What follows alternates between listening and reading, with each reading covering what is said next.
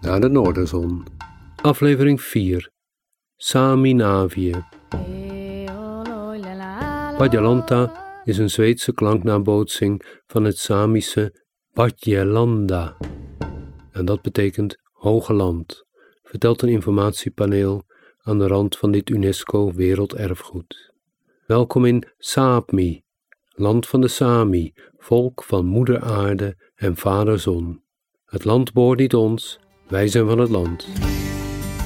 Saapmi lijkt voor jou wildernis, maar is oeroud cultuurlandschap. Zomers grazen onze rendierkuddes op het hoge land en op de bergflanken. Zwinters eten ze in de dalen rendiermos en hangen de korstmossen van de taiga-takken.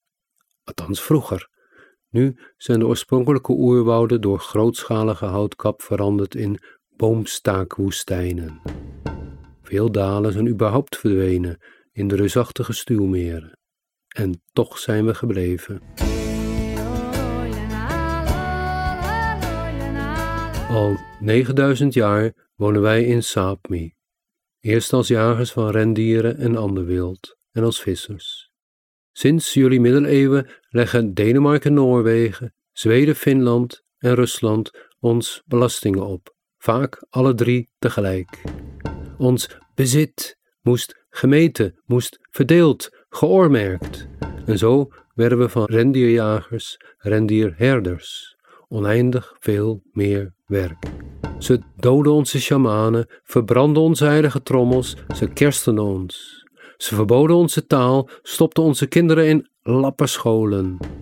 Toch, Jooike, vertel zingen we nog steeds onze herinneringen, al of niet woordeloos. Verkleumde, mineralen zoekende vreemdelingen lieten we in onze gotes. Lachen typisch. Meteen kropen ze onopgevoed dicht bij het vuur. Toch gaven we ze te eten. Eerst stierven duizenden onzer sledentrekrendieren met zilver en ijzererts onderweg naar jullie havens. En nu is er de nog rampzaligere spoorlijn en zijn er stuwmeren. En onze natuurlijke meren hebben ze leeggevist, idem de zee van de kustsamis. Na Tsjernobyl moest al het rendierslagvlees vernietigd. En nu bedreigen ons de te warme winters, want na een paar dooidagen vereist de sneeuwlaag zodat onze rendieren niet meer bij hun winterkost kunnen, de kostmossen onder de sneeuw. En dat terwijl de hangende kostmossen ontbreken in de boomstaakbossen die nu in plaats van onze oerwouden groeien. En er zijn harde grenzen van naties waartoe wij niet behoren. Toch ben jij, nieuwsgierige vreemdeling, van harte welkom in Saapmi. Dit was een van de Noorderzon-verhalen uit het boek Verhalen uit het Schrijflab 2019.